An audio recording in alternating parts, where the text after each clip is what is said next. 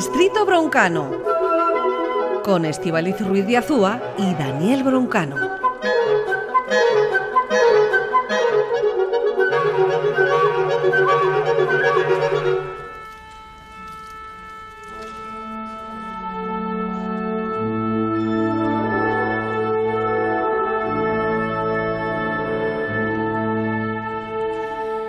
Orquesta dispuesta y preparada en un rincón de este estudio, orquesta afinando y saludo a quien dirige esta orquesta, Daniel Broncano, a Rachaldeón. A Rachaldeón Estivaliz, qué bien están afinando hoy. Qué bien están afinando. Es que cada vez lo hacen mejor. Yo no sé si lo, si lo ves y lo sientes. Eh, lo siento, eh, eh, yo cuando tocaba, cuando aprendí a tocar el clarinete, había gente que decía que por qué no se traía el instrumento afinado de casa. Esto no es posible. la clave es, claro, esto es como decir, cambia con la temperatura, cambia con la humedad, cambia con también con cómo estén los demás. Tú tienes que afinar con otros, o sea que esto no hay invento humano para traer la trompeta soldada de casa la afinación correcta. No se puede. A mí como espectador, como espectadora, este momento me parece mágico, este momento de la orquesta, este, momento, este momento del comienzo. Es una liturgia en la música clásica. En cierto momento hubo un debate de si esto había que cambiar y afinar de otra forma, afinar un poco en camerinos de alguna manera o hacerlo de otra manera, pero es que realmente es una puesta en escena tan única que es nuestro branding, ¿no? Es, nuestro marketing ya es esto de afinar eh, otro, un artista, o sea, Freddie Mercury haría no sé qué, nosotros como orquesta vamos y afinamos en medio del escenario. Esto es lo hacemos. Bueno, miramos a nuestra orquesta y vamos a pedir que se pongan de pies los maestros de las violas, porque hoy precisamente vamos a hablar de la viola. La viola. La viola es este instrumento que es como un violín más grande. Eh, son unos instrumentos más misteriosos, desconocidos, en el que nadie recae. Eh, están en medio de, de, todo, están, son como el pegamento armónico de la orquesta. Em, a veces es difícil escucharlas y esto eh, ha dado lugar a muchísimos chistes a lo largo de la historia musical. O sea, Estivaliz, mm, básicamente son el lepe de la orquesta. ¿Pero por qué dices que son el lepe de la orquesta las pobres violas? Porque es que hay, hay muchos chistes. Te voy a decir alguno. Esto no quería hacerlo, pero es que porque me preguntas entonces por qué es el lepe, hay un montón de chistes que todo tiene que ver. Por ejemplo, ¿cómo saber si una viola está desafinada? Porque se mueve el arco. Entonces, quiere decir que ya está desafinada. Entonces, como esto, un montón de chistes malévolos, como estos hay un montón de chistes que Estos básicamente chistes solo los entendéis los instrumentistas. Más o menos. Mira, otro. ¿Cuál es la diferencia entre una cebolla y una viola? Nadie llora al cortar una viola. son, son chistes básicamente mm, nefastos. Ahora tenemos media hora, tenemos media hora para desmentir este eh, espíritu que hay alrededor de la viola y aprender a amarla y aprender a dejar de hacer, comprenderlas y dejar de hacer chistes tan malévolos. Venga, vamos a aprender a amar la viola, ese instrumento que está en el centro de toda la orquesta. Que se sienten, por favor, los maestros de la viola, están ya sentados y dispuestos a desmentir todos esos bulos que hay en torno a ellas.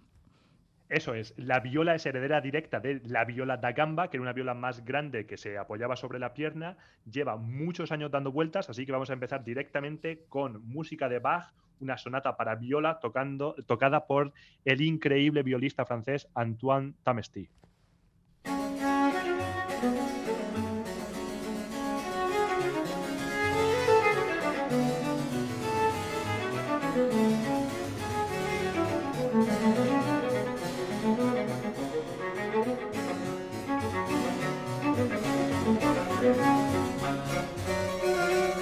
Música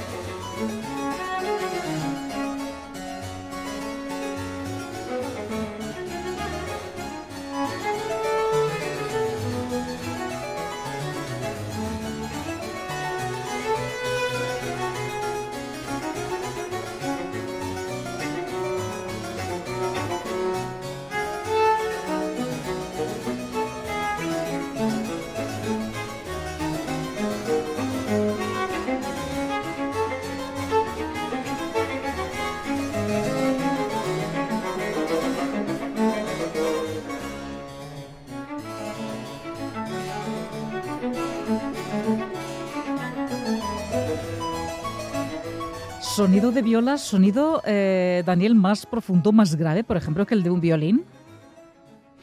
Eso es, eh, es un sonido intermedio entre el violín y el cello y tiene esa profundidad, tiene esa gravedad que lo hace un instrumento realmente maravilloso cuando tenemos la oportunidad de escucharlo en modo solista y encima tocado por Antoine Tamesti. Eh, una gloria. el siguiente fragmento que vamos a escuchar es una violista gloriosa de Pamplona, Navarra, Isabel Villanueva, em, que ella siempre aboga por el viola power, o sea, por el poder de la viola como, como, causa, como causa reivindicativa en el mundo y en la sociedad. Y en, yo en esto estoy muy de acuerdo con, con Isabel. Eh, es el, eh, lo que vamos a escuchar es el concierto para viola de Franz Anton Hofmeister. Esto era un coetáneo más o menos de Mozart, un poquito antes. Eh, él hizo este concierto que es en realidad su obra más interpretada en la actualidad.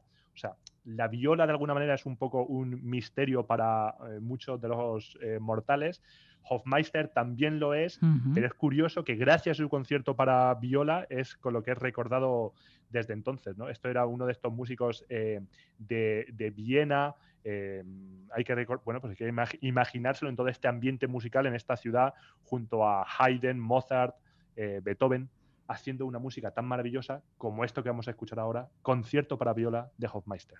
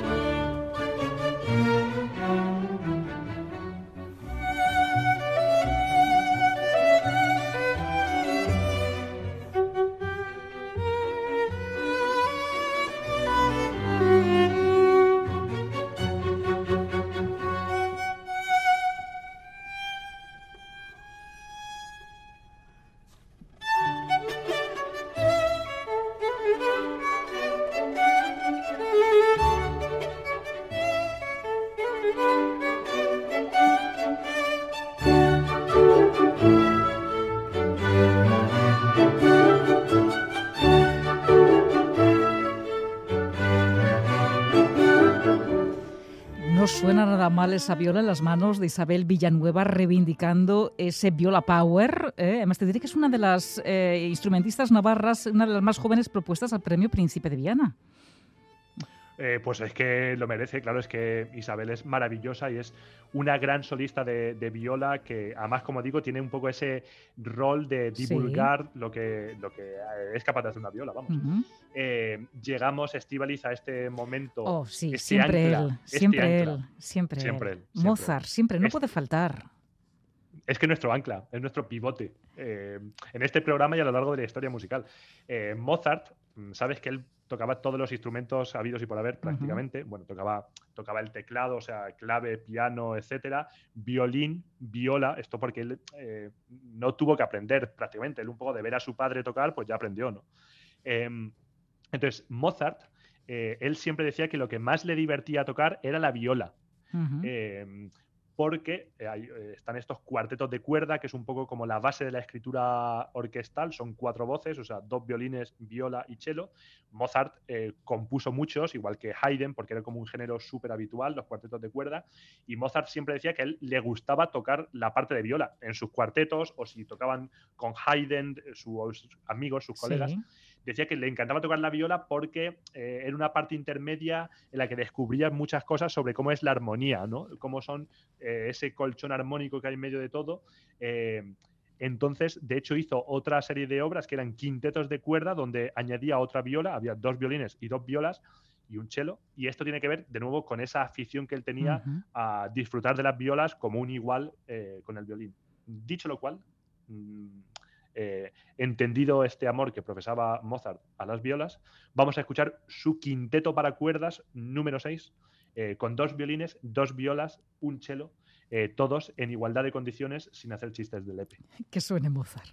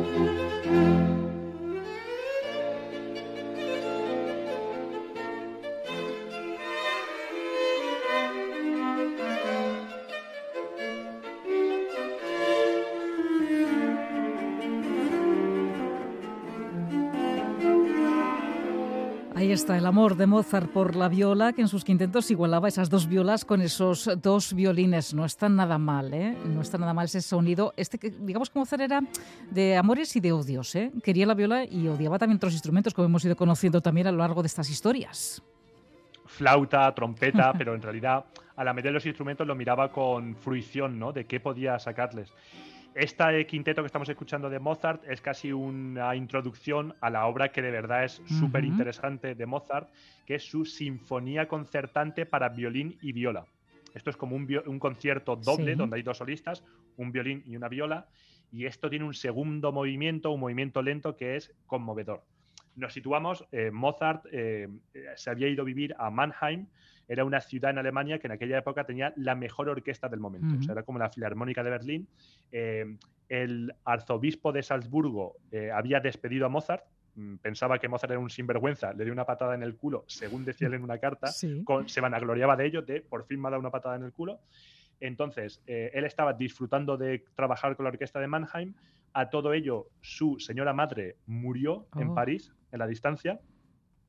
Entonces, eh, Mozart hizo en esta sinfonía concertante este segundo movimiento, eh, que es un poco elegíaco, o sea, tiene un tono así un poco, eh, bueno, pues muy conmovedor.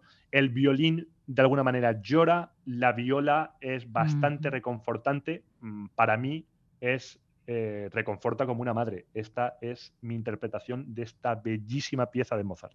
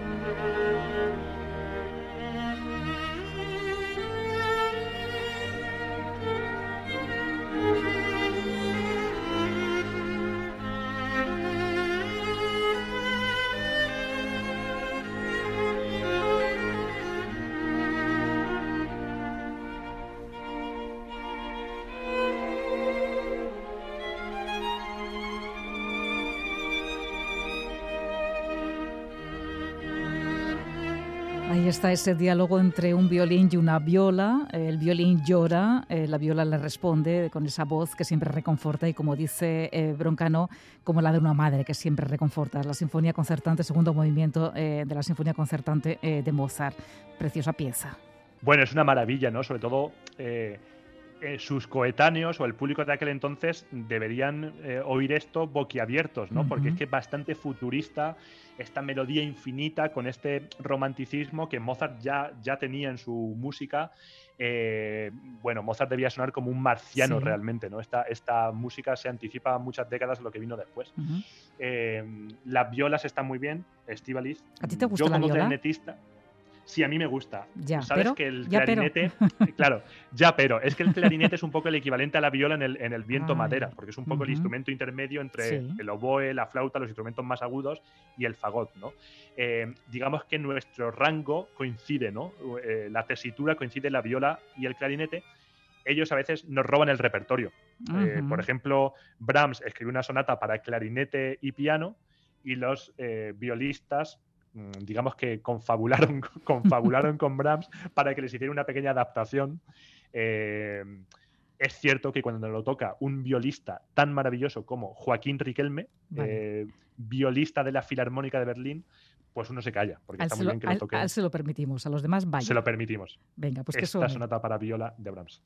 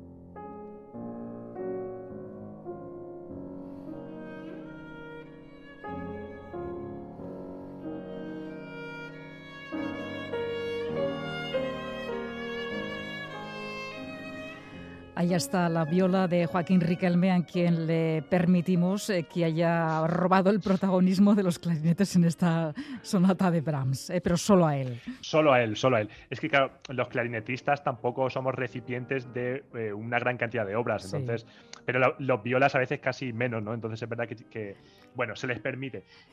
ahora vamos a escuchar una obra para orquesta muy curiosa. Este es el Requiem de Foré eh, una, sabes que en la orquesta normalmente hay violines primeros y segundos, hay como dos equipos de violines, unos tocan la parte de arriba, otro la de, la de abajo, después las violas, chelos y contrabajos. Em, Foré, para darle especial eh, suavidad a esta obra, em, bueno, pues su interpretación de lo que quería conseguir con sus objetivos, eh, quitó los, violines de en medio y tenía violas primeras y violas segundas muy curioso y vamos a escuchar por qué, qué se consigue en esta orquesta cuando quitas un poco la parte más brillante, las, cuerdas más brillantes, como es del violín, eh, pues se consigue, la verdad es que yo está bien pensado, ¿eh? como Requiem, el hecho de que mm, te manden a la otra vida con esta suavidad de las violas, a mí, a mí me reconforta.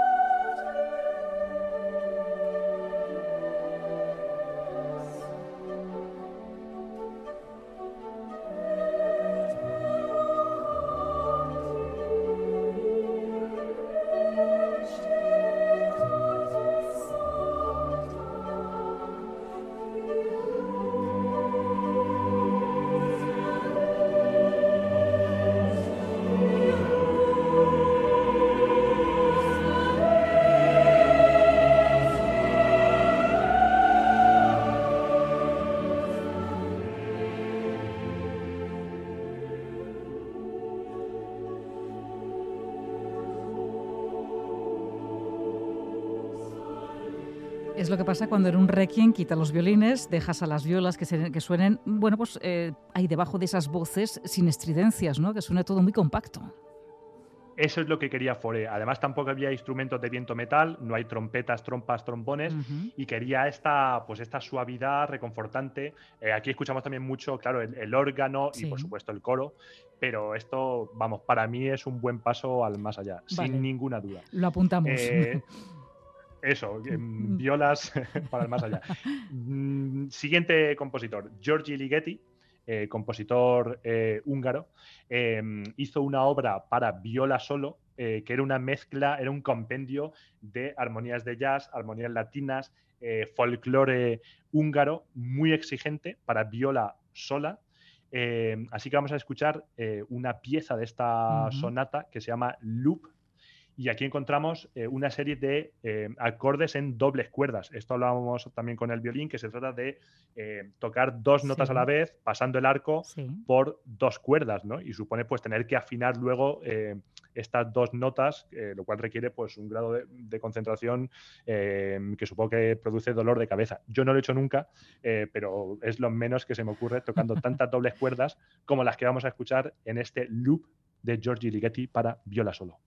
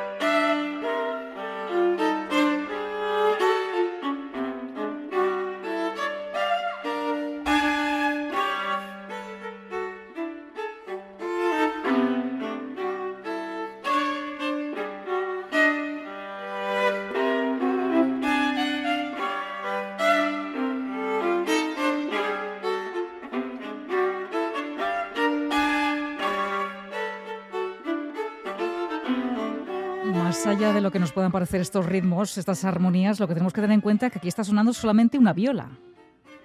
Solo una viola, pero consigue hacer todos estos eh, sonidos cuasi guturales. Eh, tiene garra, ¿eh? Tiene garra esto. tiene, tiene su aquel. Eh, nos estamos metiendo ya sin previo aviso, perdón que no lo he advertido, estamos ya en pleno siglo XX con la versión más modernista de las violas. Em, otro hito, otra obra cumbre de la escritura para viola es el concierto para viola de Paul Hindemith. Eh, esto, eh, hay que empezar por su título. O sea, se llama. Eh, el subtítulo era concierto para viola, pero el nombre verdadero, mm, me voy a tomar la licencia de pronunciarlo en, alemán, es Die Schwanendreher.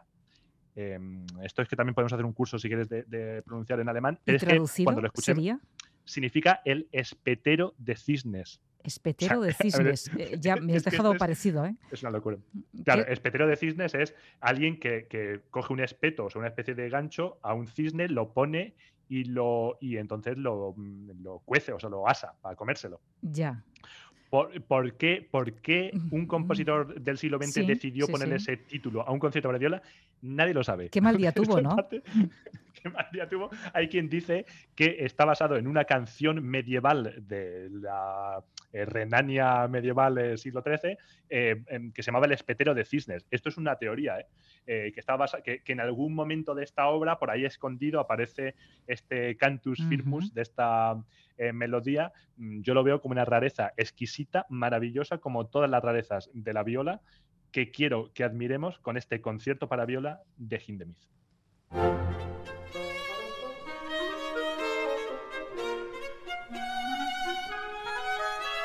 Música